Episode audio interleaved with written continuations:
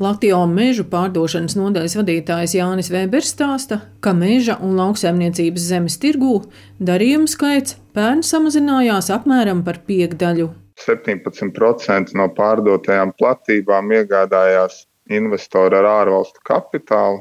Pērn investori pirkuši mazāk, bet pārdevuši vairāk savu īpašumu.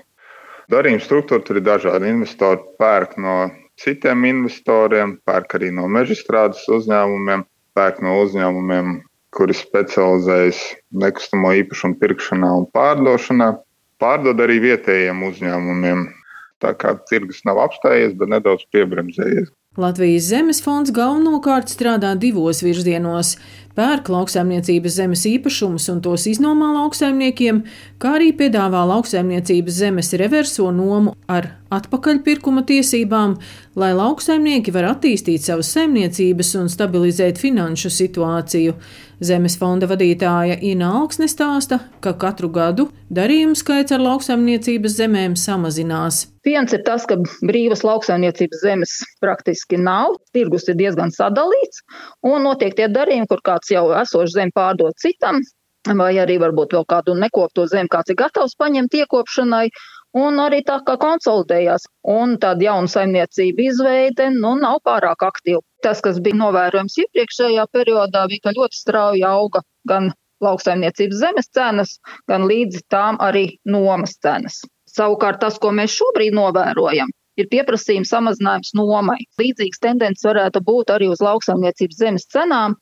Samazinoties šim pieprasījumam un lauksaimnieku pirktspējai, šīs zemes cenas šogad visticamākais neaugs vairs tik strauji kā iepriekš un būs novērojama cenu stabilizēšanās. Zemākās cenas joprojām ir Latgales reģionā, vidēji šobrīd ir 3000 eiro hektārā, savukārt zemgalē, kur ir visaugstākās cenas, un tās varē no 10 līdz 12 tūkstoši. Ina Augsne no Zemes fonda arī vērtē, ka pieprasījums pēc lauksaimniecības zemes reversās nomas atkarīgs no situācijas tirgū.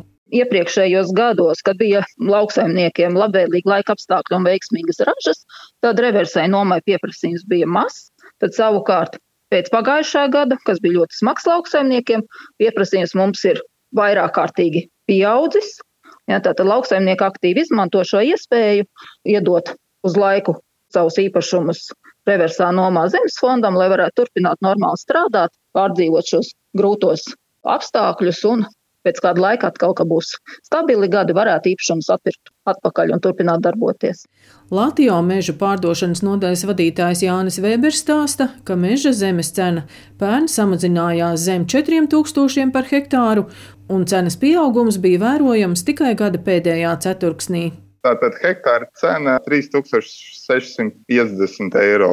Tā ir tā vidējā, ko mēs esam aprēķinājuši. Ceturksni iepriekš tā bija 3400. Koksnes cenas kritums, protams, investori arī ir nedaudz izdomājuši nogaidīt, un aktivitāte ir zemāka. Līdz ar to ir tāda nogaidoša pozīcija.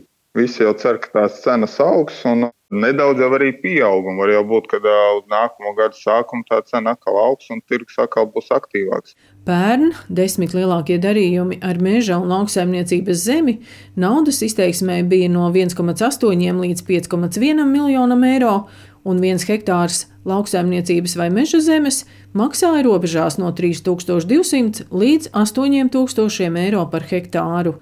Daina Zalamane, Latvijas radio.